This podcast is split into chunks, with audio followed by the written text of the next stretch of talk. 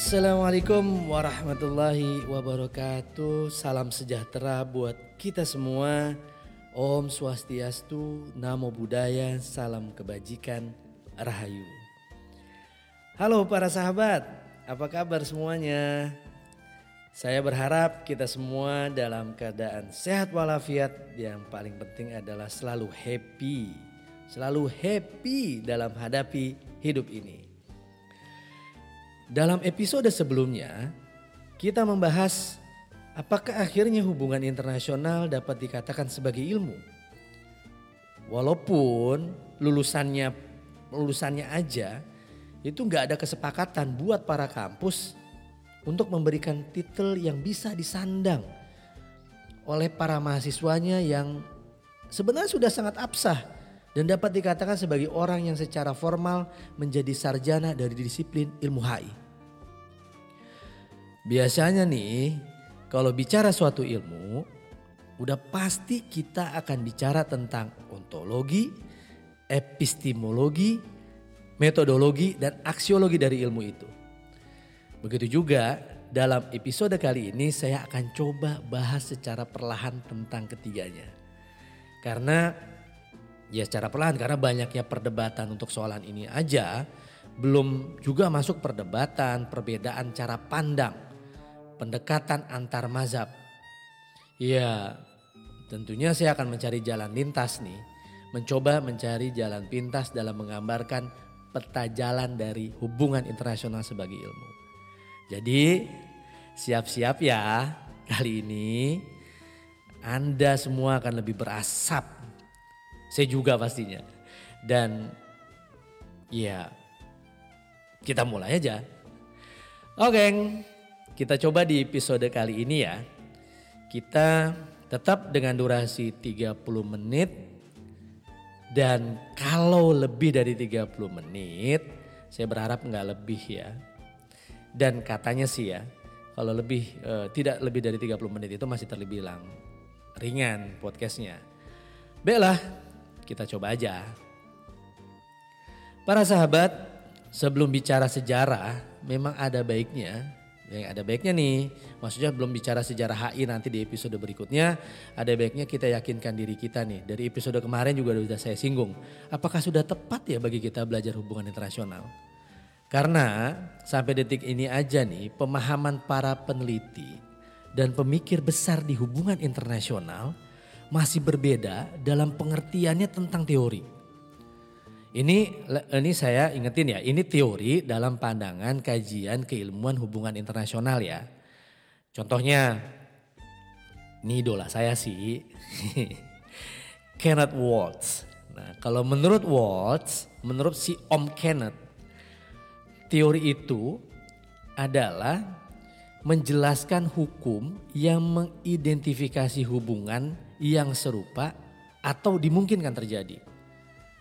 Hmm. Kalau menurut Martin Witt, ini lebih dulu eranya dari Om Waltz. Uh, menurutnya teori itu adalah, oh iya, saya pilih Martin Witt ini karena Martin Witt ini si Om Martin ini termasuk penstudi HI yang banyak mempertanyakan dan menjawab epistemologi dan metodologi HI. Paten gak tuh? Bahkan sempat mempertanyakan tentang keabsahan ilmu HI juga dan ruang lingkup HI. Tapi keren-keren. Nah menurut Om Witt ini, Om Martin ya, teori adalah tradisi pemikiran mengenai hubungan antara negara-negara. Wow, udah beda aja kan baru dua penstudi besar nih. Belum lagi teori menurut pandangan mazhab teori kritis dan mazhab-mazhab lain dalam hubungan internasional. Dan belum lagi juga nih, belum lagi pandangan orang-orang yang skeptis terhadap ilmu ini. Seringkali mereka menyatakan bahwa isi historis itu terlalu beragam dan terlalu kompleks bagi perumusan semua hal yang mungkin disebut sebuah teori yang bisa diterapkan secara umum. Emang sih kalau membandingkan ilmu hubungan internasional dengan ilmu pasti, ilmu alam, ilmu eksakta, maka kita bisa lihat derajat kepastian dan ketepannya dan ketepatannya tidak bisa kita banding-bandingin. Sementara kalau ilmu fisik nih, ilmu eksakta udah jelas banget. 2 tambah 2 sama dengan 4. Terus 4 kali 5 sama dengan 20. Dan ilmu sosial seperti ilmu ilmu ekonomi pun katanya jelas. Misal, maksudnya aksiomanya jelas nih misalnya. Orang yang berdagang sudah pasti mencari untung. Dan juga katanya kalau ilmu politik jelas orang yang berkuasa penuh kecenderungannya pasti akan korup. Ini biasanya uh, saya ambil dari pendapatnya Lord Acton yang sering dikutip banyak orang. Pendapat beliau yang lebih jelas itu adalah power tend to corrupt, absolute power tend to corrupt absolutely. Jadi kalau dilihat-lihat sih ya bahwa udah pasti nih orang yang berkuasa tanpa batas sudah pasti korupsi. Gitu. Jadi koruptor lah. Tapi nih, kalau misalnya kita lihat lebih seksama dalam ilmu-ilmu sosial, apa benar aksioma itu udah pasti seperti ilmu fisik yang dua tambah dua sama dengan empat? Sementara kalau misalnya kita bicara ilmu sosial dan humaniora, tentu nih subjeknya kan manusia yang gak bisa diprediksi dengan tepat. Kenapa? Ya karena dinamisnya manusia sebagai makhluk hidup. Emang gak ada orang yang berdagang gak mencari untung? Kan bisa aja kan? Karena kita bicara tentang manusia, dinamis. Misalnya yang paling contoh nih ya hanya untuk money laundering. Walau itu juga menguntungkan, tapi itu kan dari sisi lain tentunya. Cuman kan bisnis yang tampak biasanya nggak menguntungkan, gitu ya itu cuma dijadiin sebagai kanal untuk merekayasa keuangannya supaya bisa mendapatkan persetujuan. Ya kita biasanya kenalnya dengan istilah financial engineering. Tiba-tiba untuk membersihkan uang yang entah-entah berantah dari mana dia dapatkan, dia buatlah perusahaan yang atau dia usaha seperti misalnya banyak ya misalnya restoran yang kalau kita lihat tuh nggak menguntungkan banget tapi kok juga nggak bangkrut-bangkrut. Gitu. Ternyata memang itu digunakan untuk mencuci supaya uangnya bersih. Gitu. Ntar kita akan bahas uh, di kesempatan lain lah kalau misalnya ada kesempatan ini merupakan bagian dari apakah ini merupakan bagian dari kajian HI ya? Nggak tahu deh. Nanti kita bahas. Biarin jadi misteri dulu di awal. Nah berikutnya nih kalau dari pernyataan politik tadi. Lalu apakah udah pasti semua manusia kalau berkuasa penuh tanpa adanya pembatasan atas kekuasaannya akan korup. Kalau saya sih ngelihatnya gimana ya? Ini contoh nyata nih, contoh nyata ya Nabi Muhammad. Karena beliau pada saat itu kan kedudukannya sebagai raja. Raja loh. Ya raja dan punya rakyat, punya pemerintahan. Ya tentunya juga pasti kalau mau ya kaya raya. Tapi kan justru sebaliknya. Beliau mengikat perutnya tuh dengan batu karena saking lapar dan tidak punya makanan. Itu buah sedih para sahabatnya. Terus kalau misalnya dari domestik lah ya, dari dalam negeri ini contohnya. Lalu gimana yang menjelaskan fenomena Sri Sultan Hamengkubuwono IX misalnya? Yang jelas tertulis nih dalam bukunya tuh biografinya. Tahta untuk rakyat. Hmm, coba deh dibuka para sahabat. Begitu pula karifan lokal suku Amatoa di Kajang, Sulawesi Selatan. Ya saya nggak akan cerita secara khusus ya tentang suku Amatua. Nanti mungkin bisa kita bahas di segmen lain yang segmen istirahat yang kita nggak lagi bahas tentang hubungan internasional. Kan di awal saya sudah mengatakan ya mungkin saya akan bahas hal-hal lain yang bukan berkaitan sama HI dan geopolitik. Tapi fokus utamanya di HI dan geopolitik. Tapi saya akan bahas ya mau sharing lah pengalaman-pengalaman yang mungkin bisa menginspirasi dan berguna buat para pendengar, para sahabat. Jadi singkatnya adalah waktu saya punya kesempatan untuk main ke sana itu menarik banget ya. Itu kan seperti Baduy dalam dan Baduy luar. Saya masuk ke sana dengan beberapa rombongan yang sangat kecil ada empat orang. Kami disuruh ganti baju pakaian hitam-hitam lalu terus kemudian menanggalkan semua yang modernitas diwakili dalam diri kami. Artinya nggak boleh pakai jam, nggak boleh pakai sepatu, apalagi uh, kamera apalagi handphone. Jadi semuanya ditaruh di Menteri Luar Negeri dan Menteri Pertahanannya mereka. yang hidup di suku luar Amatoa, suku Kajang. Nah kami jalan masuk ke dalam hutan, kami lihat perbedaannya antara antara suku di luar sama suku yang paling pedalaman. Begitu sampai di pedalaman, ini menarik. Semua rumah itu bentuknya sama, bagus-bagus. Tapi ada satu rumah yang paling jelek, yang bahkan maaf nih, kandang kambing aja jauh lebih bagus di situ dibandingkan rumah rumah yang saya lihat ini. Dan ternyata kami menuju ke arah sana. Dan ketika sampai di sana ternyata itu rumah kepala sukunya. Rumahnya Ama kami manggilnya Ama. Dan kepala sukunya pada saat itu masih sangat muda dan baru terpilih. Dan proses pemilihannya, ah itu nanti saya simpan untuk bicara tentang kearifan bagaimana kepemimpinan di Republik ini. Nah, saya sempat tanya, e, maaf nih Ama, kenapa kok rumahnya lebih jelek dibandingkan rumah-rumah rakyat yang lain? Dia bilang dengan tegas mengatakan begini, saya sengaja membuat rumah saya lebih jelek dibandingkan rakyat saya supaya mereka nggak segan untuk datang dan bertamu ke rumah saya. Keren nggak? Supaya nggak ada yang ragu main ke rumahnya. Nggak ada kejengahan main ke rumah pemimpinnya. Artinya kan nggak tepat juga kalau dikatakan bahwa yang namanya orang yang berkuasa tanpa ada batasan udah pasti korup. Karena pemilihan ama ini baru akan ada lanjutkan ketika ama ini berhalangan atau sakit atau sudah tua. Artinya kan tidak terbatas. Lama masa kepemimpinannya. So, jika dalam ilmu hubungan internasional punya kerangka teori, metode yang dapat dirumuskan secara pasti dan dapat diterapkan dalam hubungan luar negeri dan resolusi konflik domestik atau internasionalnya, udah pasti nih gak akan ilmu ini terbuka. Udah pasti akan disimpan dan gak akan dipraktekkan. Pasti dipraktekannya diem-diem bagi keuntungan negara itu sendiri. Ya untuk apa di-share? Untuk apa dipelajari negara lain kan? keuntungan buat negara. Bahasanya, di bahasa kerennya nih ya, saya lupa nih saya dapat dari buku apa, yang jelas bahasanya gini kira-kira terjemahannya. Ada semesta perbedaan, saking banyaknya tuh. Dan gak mungkin sama antara physical science, ilmu fisik, dan social science, ilmu sosial.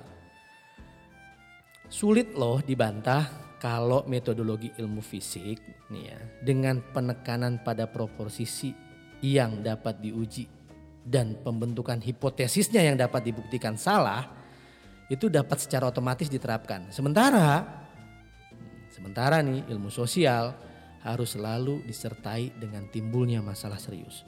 Jadi nggak bisa ujuk-ujuk 2 tambah 2 sama dengan 4 dan gak bisa, misalnya ujuk-ujuk tiba-tiba ini ada peristiwa politik internasional yang harus diteliti. Kalau tidak ada persoalan-persoalan serius. Nah persoalan serius biasanya di politik internasional ujung-ujungnya adalah pembahasan konflik. Konflik yang sedang terjadi, konflik yang sudah terjadi, dan konflik yang berpotensi akan terjadi. Nah kalau begitu, gimana kita bisa nyamain proposisinya, pengambilan hipotesanya, lalu terus kemudian diuji secara empiris sehingga terus kemudian hasilnya pasti diterapkan dalam setiap kondisi. Kan nggak mungkin. Gitu kan? Nah kalau gitu salah nggak ya kalau kita bahas teori-teori terutama teori, hubungan internasional sebagai ilmu yang muncul belakangan setelah Perang Dunia Pertama dibandingin ilmu tua. Nah, saya ingetin lagi ya ilmu tua itu kan hukum, filsafat, ekonomi, politik, sejarah perang, dan diplomasi yang masing-masing itu sangat syarat dengan penjelasan atas suatu fenomena yang telah diidentifikasi permasalahannya, dijabarkan, dan diberikan nilai untuk memprediksi tindakan lanjutannya. Salah nggak kalau kita bahas HI? Oh lala, break dulu keles.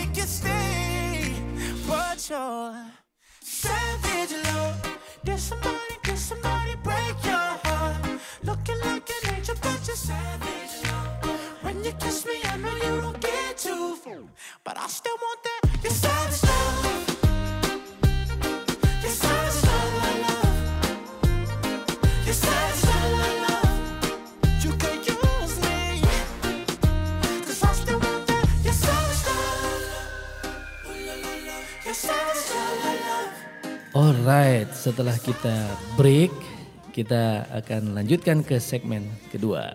Oke, lanjut. Tahun sekitar tahun 50 60-an ya.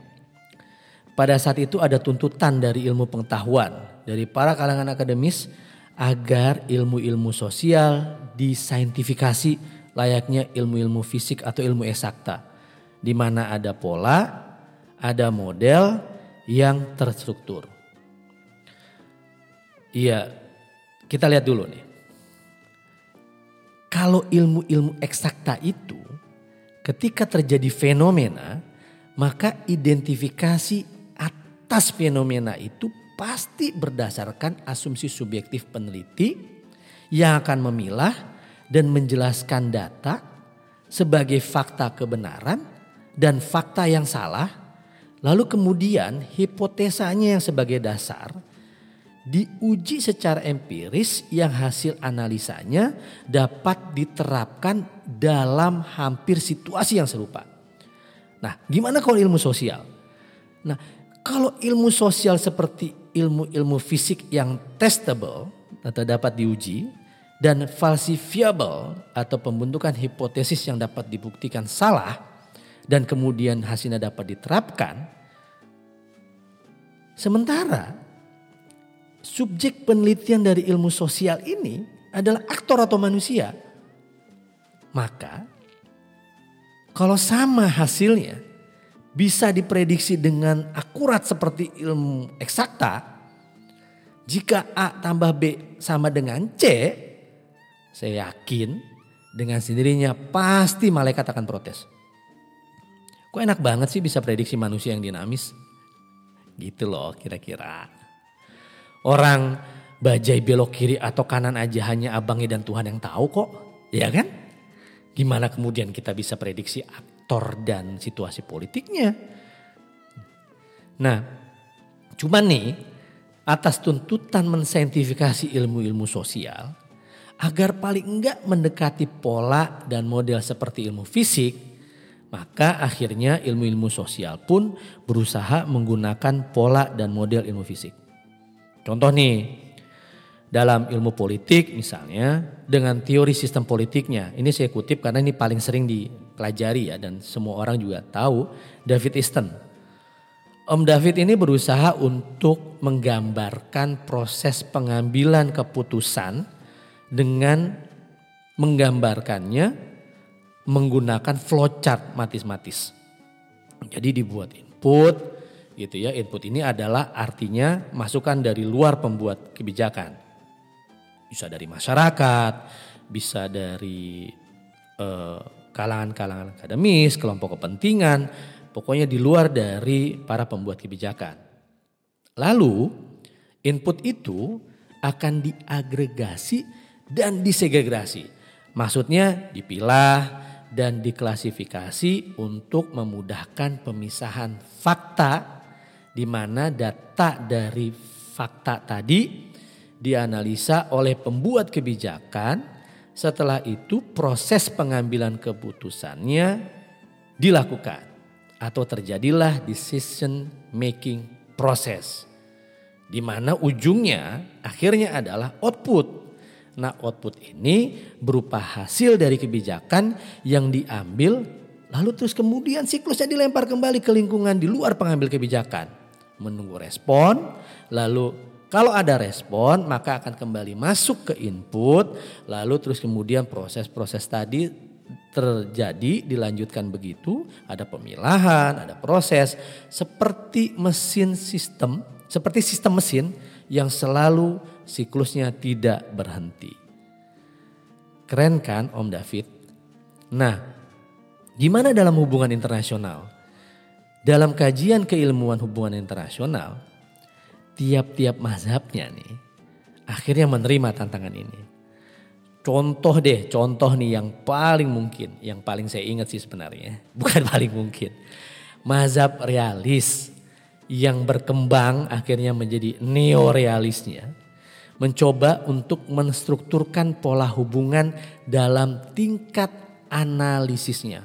Jadi ada tingkatan level analisis di dalam ilmu hubungan internasional menurut mazhab neorealis.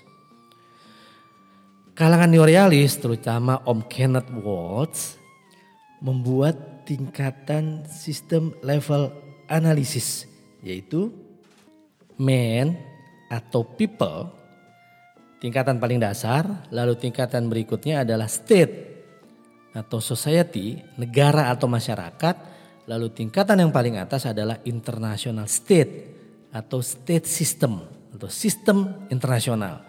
Jadi kalau para sahabat nanti baca menemukan ada yang disebut dengan international state atau state systems, artinya adalah sistem politik internasional. Nah, ini dari kalangan neorealis yang berusaha untuk membuat level analisis di dalam hubungan internasional. Kajian keilmuan hubungan internasional. Begitu pula dengan kalangan liberalis. Kalangan liberalis. Ribet nih saya. Tentunya mengembangkan pemikiran-pemikirannya. Tapi dan metodologinya. Tapi saya nggak akan bahas ini satu persatu saat ini. Nanti akan ada pembahasan tiap-tiap mazhab dan perkembangan dan tentunya. Saya cuma ingin menunjukkan bahwa ternyata tiap mazhab atau teori dalam hubungan internasional selalu berusaha menyempurnakan tingkat keakurasiannya di dalam memprediksi suatu peristiwa dengan pola dan metodologi yang coba-coba saintifik. Iya bisa dikatakan coba-coba karena kan ilmu sosial yang gak pas juga kalau mau agak-agak sama atau pas sama seperti ilmu fisik. Sehingga perkembangannya justru memperkaya khasanah keilmuan hubungan internasional itu sendiri.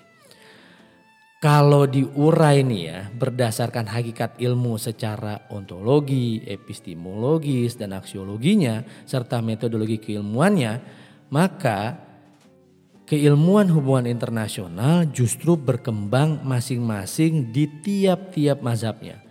Dan ini udah pasti ya, analisa HI akan berdasar pada aktor dan politik.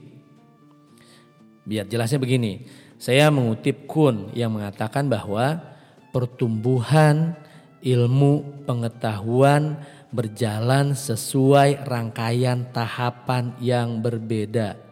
Masing-masing dikuasai oleh suatu kerangka pemikiran atau paradigma tertentu yang menyumbangkan ilmu pengetahuan dalam periode waktu tertentu yang tentunya tidak sama dengan pengetahuan pada waktu yang lain. Jelasnya bahwa setiap masa ada pemikiran yang berkembang dan tumbuh. Tuh, walaupun terus kemudian didebat lagi macam-macam dan sebagainya, cuman saya mengutip ini. Jadi jika bicara ontologi artinya ontologi dalam ilmu HI ya atau ontologi dalam keilmuan hubungan kajian hubungan internasional artinya kita bicara tentang knowable reality-nya.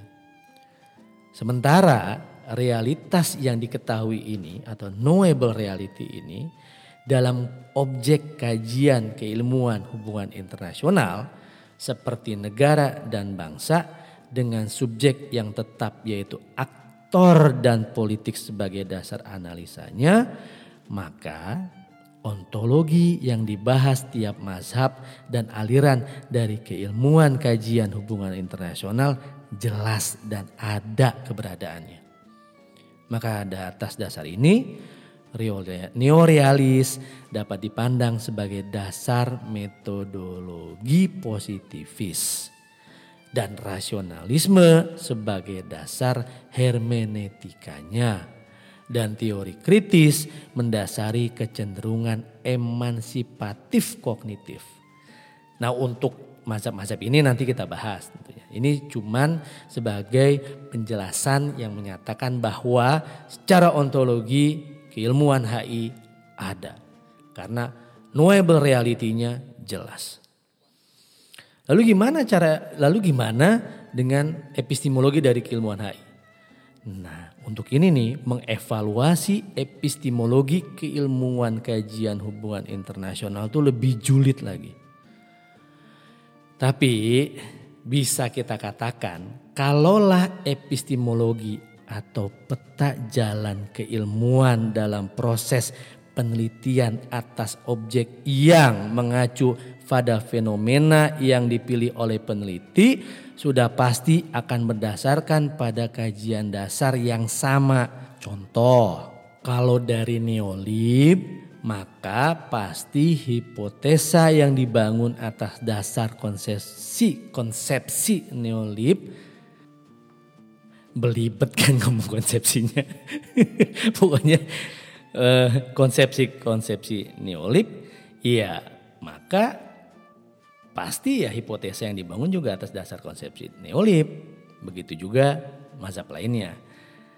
Lalu bagaimana dengan perdebatan dalam metodologi? Nah, dalam metodologi pun terjadi perdebatan nih.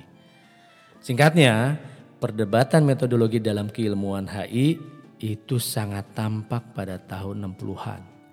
Tahun perdebatan antara tradisionalis dan behavioralis. Ini ya kita akan bahas episode lain.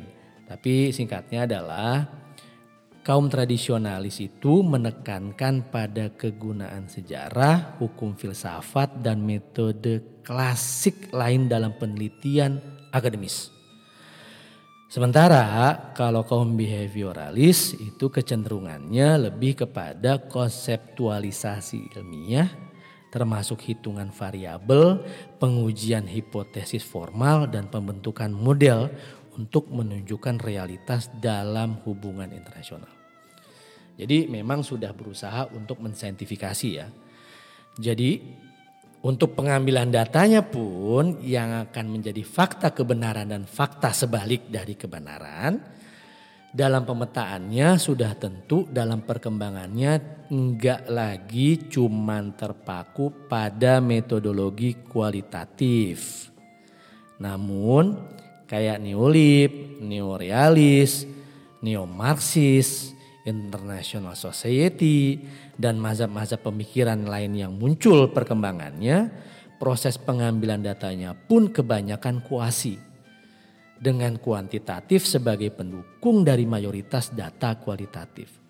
Dan begitu juga ada yang melakukan sebaliknya. Nah, kalau untuk metodologi penelitian dan teknik pengambilan data serta validasi tekniknya, teknik validasi datanya kita akan bahas di episode lain ya. Enggak di sini, jelimet banget soalnya. Nah, atas dasar inilah maka enggak dapat lagi diragukan sahabat kalau hubungan internasional sebagai keilmuan sudah merepresentasikan keilmuan dari tiap tiap mazhab pemikirannya. Keren gak tuh? Oke para sahabat, akhirnya kita sampai di penghujung acara. Saya yakin Anda sudah letih dan saya juga sangat letih menjelaskan karena materi hari ini agak lumayan berat. Jadi kesimpulannya, Sebelum kita jumpa di episode berikutnya, hubungan internasional itu ilmu atau bukan ya? Dasar koplak. Oke terima kasih sekali lagi masih mendengarkan sampai episode berikutnya. Wassalamualaikum warahmatullahi wabarakatuh. Salam sejahtera buat kita semua. Om Swastiastu, Namo Buddhaya, Salam Kebajikan, Rahayu.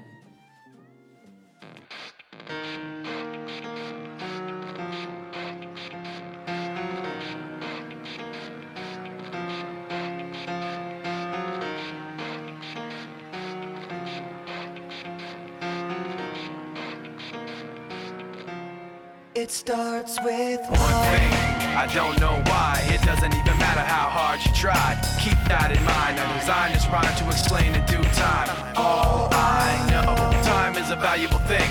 Watch it fly by as the pendulum swings. Watch it count down to the end of the day. The clock takes life away. It's so unreal. Didn't look out below. Watch the time go right out the window. Trying to hold on to didn't even know I wasted it all just to watch you go. I kept everything inside, and even though I tried, it all fell apart. What it meant to be will eventually be a memory of a time I tried so hard